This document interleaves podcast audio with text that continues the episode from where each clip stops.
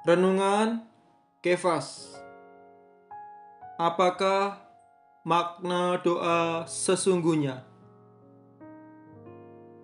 Ayat Alkitab Yohanes pasal 4 ayat 24 Allah itu roh dan barang siapa menyembah dia harus menyembahnya dalam roh dan kebenaran. Begitu selembar pakaian disetrika, ia akan menjadi hangat atau bahkan panas. Ini dikarenakan pakaian tersebut telah berkontak dengan setrika yang panas.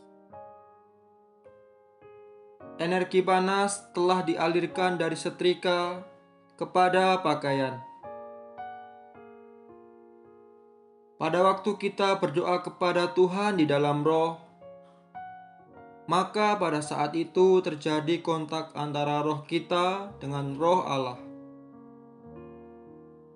Karena adanya kontak dengan Allah, maka manusia juga mendapatkan Allah. Allah yang adalah roh mengalir ke dalam roh manusia.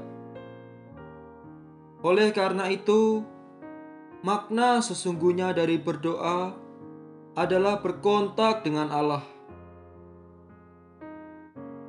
Ratapan pasal 3 ayat 56 memperlihatkan doa Yeremia yang berkesah kepada Tuhan. Berkesah ini adalah bernafas.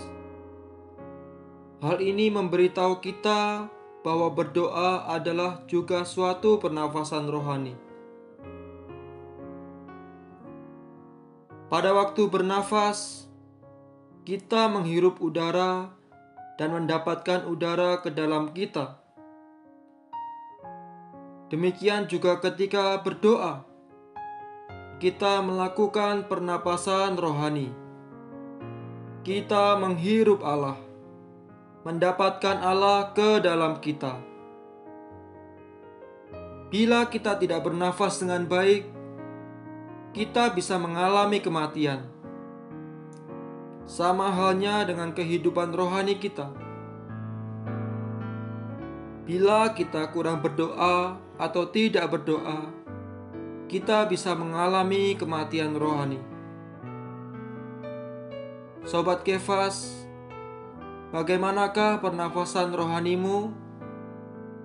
Bagaimana kamu menjaga kehidupan rohani agar tetap berkontak dengan Allah dan menerima Allah. Mari kita berdoa.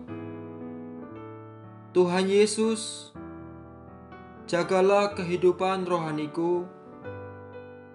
Aku mau mengontak Engkau, menghirup Engkau, dan mendapatkan Engkau. Amin.